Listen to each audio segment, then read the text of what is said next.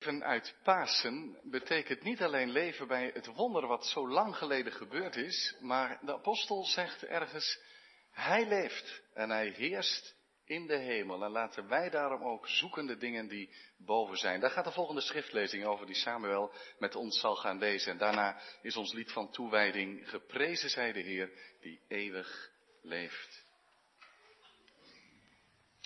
Als u nu met Christus opgewekt bent, zoek dan de dingen die boven zijn, waar Christus is, die aan de rechterhand van God zit. Bedenk de dingen die boven zijn en niet op de aarde zijn. Laat het woord van Christus in rijke mate in u wonen, in alle wijsheid. Onderwijs elkaar en wijs elkaar terecht, met psalmen, lofzangen en geestelijke liederen. Zing voor de Heere met dank in uw hart. En alles wat u doet met woorden of met daden, Doe dat alles in de naam van de Heer Jezus, terwijl u God en de Vader dankt door Hem. De tekst voor de prediking is Johannes 20 en daarvan de eerste tien versen, dus het eerste gedeelte wat we hebben gelezen. Vooral vers 8 en 9. Toen ging ook de andere discipel, die het eerst bij het graf gekomen was, naar binnen en hij zag het en geloofde want zij kenden de schrift nog niet, dat hij uit de doden moest opstaan. Johannes 20, vers 8 en 9. Geweten van onze Heer Jezus Christus, broeders en zusters, jongens en meisjes ook, wat een feest, wat een feest, Pasen op deze zonovergoten dag. Vanmorgen stond ik met andere voorgangers bij de Carolus Borromeuskerk om paas als het ware in te luiden. Om paas groet aan de stad te brengen. En daar klinkt het in de kou, de mooie, heerlijke kou van een zonnige ochtend. De Heer is waarlijk opgestaan. Halleluja. Amen. Hij leeft. En daarom hoeven we niet bang te zijn voor morgen. Heb jij al met hem gesproken vanmorgen? Als hij leeft, kun je met hem spreken. Hij is onze levende Heer. Maar als we het paasevangelie lezen, dan lijkt het wel alsof we ook ten opzichte van de liederen die we zingen eigenlijk een stap terugzetten. Het valt eigenlijk in alle evangeliën op. Het wilde maar moeilijk Pasen worden op die eerste paasdag toen Jezus opstond. De ochtendschemer is lang blijven hangen. Het was nogal mistig in de levens en de harten van de leerlingen van Jezus. Wat was het ongeloof sterk. Ze konden zich er zo moeilijk aan overgeven. Er zijn wel bewijzen van de opstanding, of eigenlijk zijn het ook geen bewijzen, je zou het aanwijzingen kunnen noemen. Allereerst de steen die van het graf weg is en het graf dat leeg is. Maar ja, Maria legde dat direct al uit als ze hebben het lichaam van de dode Jezus meegenomen. Wat, wat moet je daar precies mee? En dan zijn daar die engelen. En de doeken, allemaal aanwijzingen. Maar je ziet dat het nogal lang duurt voordat de leerlingen op die paasdag tot een echt paasgeloof komen. Ze moeten van ver komen. Zelfs als Jezus verschijnt, is er nog een bepaalde aarzeling. Dan is er aan de ene kant uitbundige vreugde, maar dat gaat samen gemengd met huiver en vrees. Apart toch? En dat begrijp je misschien ook als je ziet dat, dat ergens dat onbevattelijk is. Je, ze zien Jezus, maar net op het moment dat het, dat het tot hen doordringt, is Jezus er ook weer niet. Hij verschijnt steeds maar even. Misschien herkennen we daar ook wel iets van. Het is zo moeilijk om er echt grip op te krijgen. Soms zing je boven jezelf uit. Dat moeten we ook maar doen ook. Om zicht te hebben. Op Jezus die de dood overwon. Maar wat is het groot en onbevattelijk. De apostelen toen, maar ook wij nu, hebben de Heilige Geest nodig om te geloven. Om ons toe te vertrouwen aan de hoop die als de zon opgekomen is op die dag en in rijke mate is gaan schijnen. Dat Pasen zo traag op gang komt in de levens van de discipelen, heeft ook iets moois. Niet om het ongeloof goed te praten. De Heer Jezus heeft het ook hen kwalijk genomen. Hij heeft het ook tegen hen gezegd. Waarom zijn jullie zo traag van hart? Wij kunnen ook traag van hart zijn. Dat we niet in beweging te krijgen zijn door de heerlijke woorden van het paasevangelie.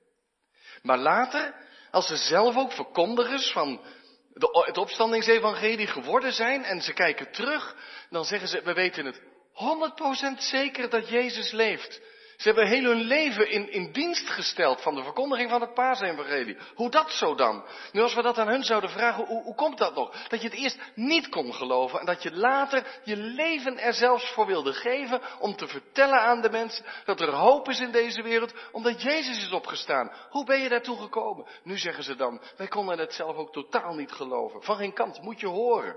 Toen Maria en de vrouwen naar het graf gingen en zagen dat de steen afgewenteld was, toen zijn ze gauw teruggekomen. Maria allereerst om te zeggen, ze hebben Jezus meegenomen.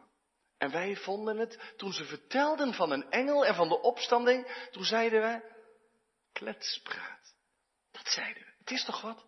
Erg eigenlijk dat we dat zeiden, maar we zeiden het, kletspraat. Jullie verzinnen maar wat. Zo moeilijk kwam het binnen. Zo ver waren we bij de belofte van God vandaan. Zo weinig hoop hadden we. De Heer heeft heel wat moeten doen om ons ervan te overtuigen. En uiteindelijk moesten we wel geloven. We konden niet anders. En juist dat zien we in dit Johannesevangelie terug. Johannes die zegt dan als het ware vanmorgen tegen ons, wacht, ik zal het je nog eens precies vertellen, want ik weet het nog zeer gedetailleerd. Ik zal het precies vertellen wat ik meegemaakt heb op die vroege ochtend van Pasen. Waar we liepen, hoe snel we liepen, wie er het eerst kwam, wie er daar stond en daar stond en, en, en wat we zagen. Dan kun je een beetje meemaken hoe wij vanuit onze hopeloosheid toch weer hoop kregen. Hoe wij vanuit ons verdriet bevrijd werden en de vreugde van Pasen in het vizier kregen. Maria kwam bij het graf. Met de andere vrouwen. Ze ziet die steen van het graf gewenteld. Laat ze die vrouwen van, het is haar te veel. Ze rent terug naar het huis waar Petrus en Johannes zijn. En ze zegt direct, die kunnen we er toch niet bij hebben ook nog. Die hebben ze het dode lichaam van Jezus ook gepakt uit het graf. Wat hebben ze er toch mee gedaan? En Johannes, die daarbij geweest is en die dit schrijft, die zegt, ik weet nog hoe het ging, hoe de schrik ons om het hart sloeg. We stonden op allebei. Nee, daarvoor waren ze niet in actie te krijgen, maar nu opeens wel. En ze gaan onderweg naar dat graf, want ze moeten het met hun eigen ogen zien. Het zal toch niet waar zijn, hè? Dat Jezus daar zorgvuldig in het graf gelegd is. Goed, daar waren Petrus en Johannes niet bij. Die waren daar te moedeloos voor. Maar ze hebben het gehoord en ze gaan er naartoe. Wat is er gebeurd precies? En Johannes weet het nog. We gingen allebei en ik liep harder dan Petrus. De een ging harder dan de ander. Ik weet niet of Johannes harder kon lopen dan Petrus, hoor, dat weet ik niet. Zou kunnen. Het zou ook wel kunnen. Sommigen zeggen dat Petrus misschien toch al wel een beetje gespeeld heeft met de gedachte. Zou, zou het dan toch? Dat hij misschien wat ingehouden heeft, omdat ook tussen hem en Jezus nog het nodige instond na zijn verloochening. Hoe dan ook. Johannes is sneller en blijft aan de buitenkant van het graf staan. En dan komt Petrus en dan herkennen we weer dat verschil tussen die Johannes, de wat voorzichtige, bedachtzame discipel, en Petrus, die, die, die dan toch eerder doorpakt. En Johannes staat daar te kijken in dat graf en hij ziet al iets van die doeken liggen, maar Petrus komt en die stapt zomaar dat graf in en die ziet nog meer dan Johannes. Vreemd, vreemd wat ze daar allemaal zien. Het is heel opmerkelijk dat er in dit evangelie drie keer over zien iets staat. Als Johannes daarbij dat graf komt, dan ziet hij iets, maar het is, het is niet meer dan, dan, dan zien, gewoon zien. Maar dan komt Petrus, die komt binnen en bekijkt het nog eens goed. En dan, en dan komt Johannes ook dat graf binnen en dan wordt dat zien echt nog dieper. Dan staat daar voor dat zien en hij zag het, hij doorzag het, hij zag het. Want wat zien ze daar? Nu jongens en meisjes, dat kunnen jullie ook goed begrijpen. Wat ze daar zien in dat graf is geen engel, daar vertelt Johannes niet over. Maar wat ze daar zien in het graf, dat zijn doeken. U zegt, ja, doeken. Ja, maar het is toch wel bijzonder. Want toen Jezus in dat graf werd gelegd, hebben ze zijn dode lichaam ingewikkeld in witte linnen doeken. Specerijen daartussen. En zo hebben ze hem daar neergelegd. En dan komen Petrus en Johannes bij dat graf om te kijken of ze de dode Jezus hebben gestolen of weggenomen. Nee, hij mag ook niet liggen daar in het graf. We gaan, we gaan nog iets heel naars met hem doen, met dat lichaam. Nu, als dat gebeurd zou zijn, En daar zitten die Petrus en Johannes zo naar te kijken. Er klopt hier iets niet. Er klopt hier iets niet. Want als je de dode Jezus zou willen meenemen, ga je hem dan eerst uit die doeken halen? Dat zou toch niemand doen? Als je er iets mee wilt doen, dan pak je hem beet en dan ga je ermee weg. Maar die doeken liggen daar. Dat is het eerste wat ze zien. Maar als ze dan nog verder gaan kijken, dan, dan, dan zien ze daar ook de zweetdoek liggen. Dat is de hoofddoek opgerold. Dat wil niet zeggen dat, dat Jezus die daar heeft opgerold en keurig opgevouwen neergelegd heeft. Dat woord betekent zoveel als, de, de vorm zit er haast nog in. Je zou het kunnen vergelijken met een, ehm, een kokon waar een vlinder uitkruipt. Een rups wordt een vlinder. Prachtig beeld van Pasen trouwens. Laten er vandaag maar veel vlinders uit hun kokon kruipen.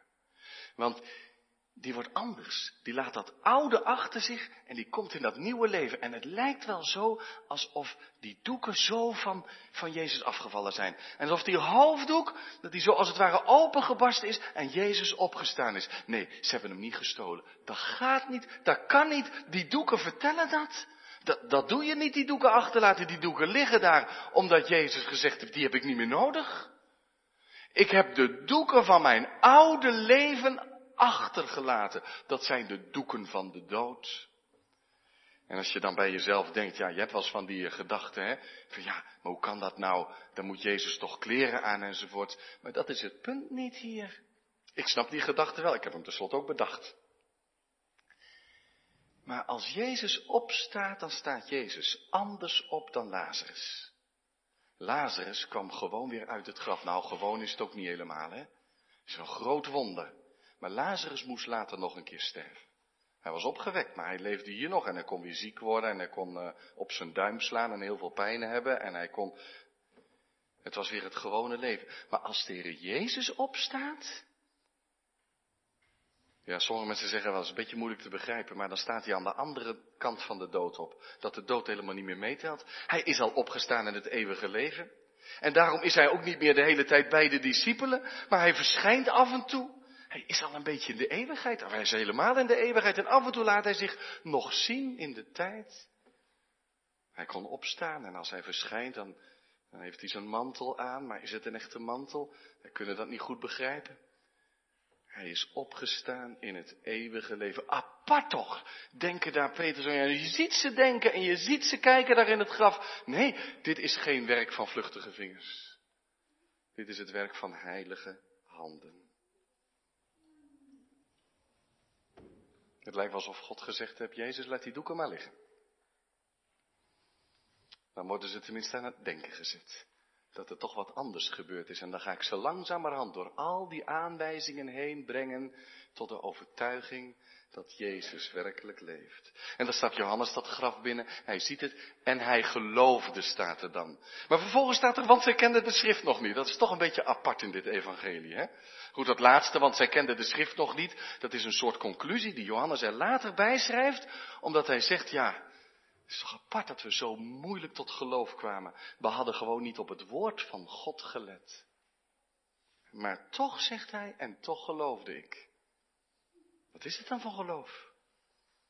Wat is het nu voor geloof? Dat is best moeilijk te zeggen. Hij geloofde, maar nog niet zo dat hij tegen Petrus zegt, Petrus, nou zie ik het. Weet je nog wat Jezus gezegd heeft? Hij heeft het toch gezegd. Hij leeft. We kunnen maar beter hem gaan zoeken. Of vragen of hij zich aan ons wil laten zien. Dat zegt hij niet. Ze gaan straks gewoon naar huis. Zover is het met zijn geloof blijkbaar nog niet. En toch achteraf zegt hij, als ik terugkijk naar dat moment, ja, toen, toen is er van binnen iets gebeurd. Er is, ik zag dat toen misschien nog niet zo precies, maar er is een vlam van hoop gaan branden.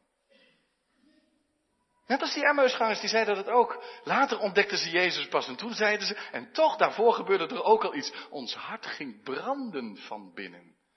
Herken je dat? Het is niet vaak zo dat iemand zo tot geloof komt dat hij eerst totaal niet gelooft en dan opeens totaal wel gelooft. Bijzonder als je dat wel mag meemaken. Ik zeg niet dat het niet kan, hè? Maar vaak zitten daar heel wat stapjes achter. En de eerste stap is soms dat je gaat twijfelen aan je ongeloof. Dat kan ook nog wel eens zo zijn, dat je gaat twijfelen aan je ongeloof. En dat de Heere God op een wonderlijke manier een zaadje in je hart plant. Heel klein. Dat je zegt, ik weet niet wat het is, maar het heeft me toch te pakken. Geloof ik? Durf ik niet te zeggen. Geloof ik niet meer? Durf ik ook niet meer te zeggen. Er is iets wat aan me trekt. Mooi is dat. Geweldig is dat. Beginnend geloof. Maar Johannes zegt, en toch geloofde ik. Hij kan er nog niet bij.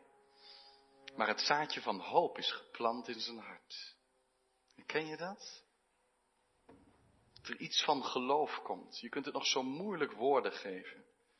Maar het heeft je wel te pakken. Misschien vind je het nog moeilijk vanmorgen om dat hooggestemde lied te zien. Zie je God. Christus is opgestaan. U zij de glorie. Geprezen zij de Heer die eeuwig leeft. En toch trekt het aan je. En je weet misschien diep van binnen. Dat is wat deze wereld nodig heeft. Hoop, echte hoop. Dat je niet voor de oplossing van de oorlogen alleen naar wereldleiders hoeft te kijken. We bidden voor hen. Maar dat God hoop geeft, echte hoop, dat de dood niet het laatste woord heeft. Het raakt je niet los, die liefde van God. De liefde van de Heer Jezus en het geduld van Hem, waarmee Hij die discipelen die maar zo moeilijk tot geloof komen, verder gaat leiden totdat ze Pasen gaan vieren in de avond. Ach, die doeken zijn voor hen duidelijke aanwijzingen. Maar wie van ons kan er geloven met een paar aanwijzingen? Er zijn zat aanwijzingen voor het christelijk geloof. Alleen al het feit dat de discipelen zonder enige verwachting een paar dagen later de opstanding van Jezus aan het verkondigen zijn. Aanwijzingen genoeg, maar is, er, is dat genoeg? Johannes zegt, en dat zegt hij ook tegen ons vandaag in vers 9, wij kenden de schrift nog niet. Waarom zegt hij dat? Omdat hij blijkbaar wil aanduiden. Kijk, bij ons kwam het niet binnen, omdat we voortdurend eigenlijk dachten en tegen elkaar zeiden, maar het kan toch niet, het past niet. Het kon niet dat Jezus naar het kruis ging, ons geloof ging omver. En het kan niet dat hij opstaat, het, wilde niet in. Want ze hadden geen oog voor de woorden van God. Ze kenden de schrift niet. Oh, misschien kenden ze al de teksten wel. Maar het drong niet tot hen door. Ze geloofden het niet en daarom vergaten ze het. Het kwam niet binnen. En de schrift, ze kenden de schrift niet. Dat staat voor heel de geschiedenis die God met zijn volk gaat en wat hij op schrift gesteld heeft. Ze hadden er geen oog voor dat dit moest gebeuren. Dat heeft Jezus tegen de discipelen ook gezegd. Wist je dat dan niet? Het moest zo gaan. Ik moest als een lam mijn leven, mijn bloed geven. Maar daar kon het niet bij blijven. Als je dat gaat zien, dat dat moest, dan kon Paas ook niet uitblijven. Dan moest God wel zijn zoon, die niet voor zichzelf gestorven is, moest hij wel opwekken uit de dood. En daarom zegt Johannes later, kijk wat wij nodig hadden waren die doeken. Dat heeft ons al aan het denken gezet. En wat we vervolgens nodig hadden, is dat we een verschijning van de Heer Jezus kregen. En misschien zeg jij vanmorgen wel, maar, maar wat, wat heb ik nodig dan? Nou, dat wou ik u eens vragen. Wat heb u nodig dan? Om tot geloof in Jezus te komen. Wat heb je nodig? Dat je dit niet alleen bijwoont vanmorgen, maar dat je het meemaakt. Wat heb je nodig? Nou, Johannes zegt, kijk, er zijn veel dingen over te zeggen. Je zou kunnen zeggen, ze hebben de Heilige Geest nodig. Ja, dan mag je ook om bidden. Maar Johannes zegt ook, zie het plan van God. Zie de schrift. Dit past bij hoe Israëls God zich openbaarde. Dit past bij hoe de schepper de kosmos lief heeft. Dit past bij hoe God zegt, ik kom zelf in deze wereld om mijn leven te geven. Let op de schrift, op de belofte van God. Dan zie je hoe Hij zelf de dood overwint. En mag je ontdekken, dit is het heerlijke evangelie. Dan hoef je niet meer te zeggen, het kan allemaal niet, het klopt allemaal niet. Dan zeg je, ik begrijp het niet, het is te groot haast. Maar geprezen zij God. Dat Hij zich niet voegt aan bij wat wij ons allemaal voor kunnen stellen.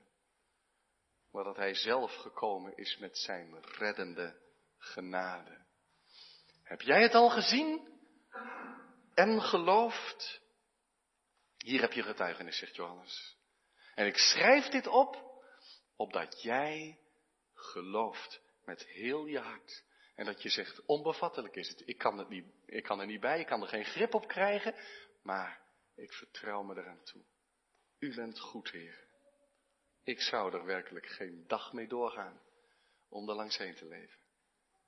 Wat een zegen om te leven bij het evangelie van de levende Heer. Bid om de Heilige Geest. Dat Hij je het geloof geeft, dat het geloof groeien mag. Bid om de Geest als je al met Hem leeft en wandelt. Dat je in heel het leven steeds mag leven met de kracht van Zijn opstanding. Met de hoop die Hij geeft. Lees de Schrift, het woord van God. Opdat de Geest dat gebruikt om je te leren geloven en je meer zicht mag krijgen op de wonderen van God. Want het is Pasen. Jezus leeft. Jezus leeft in eeuwigheid. Amen.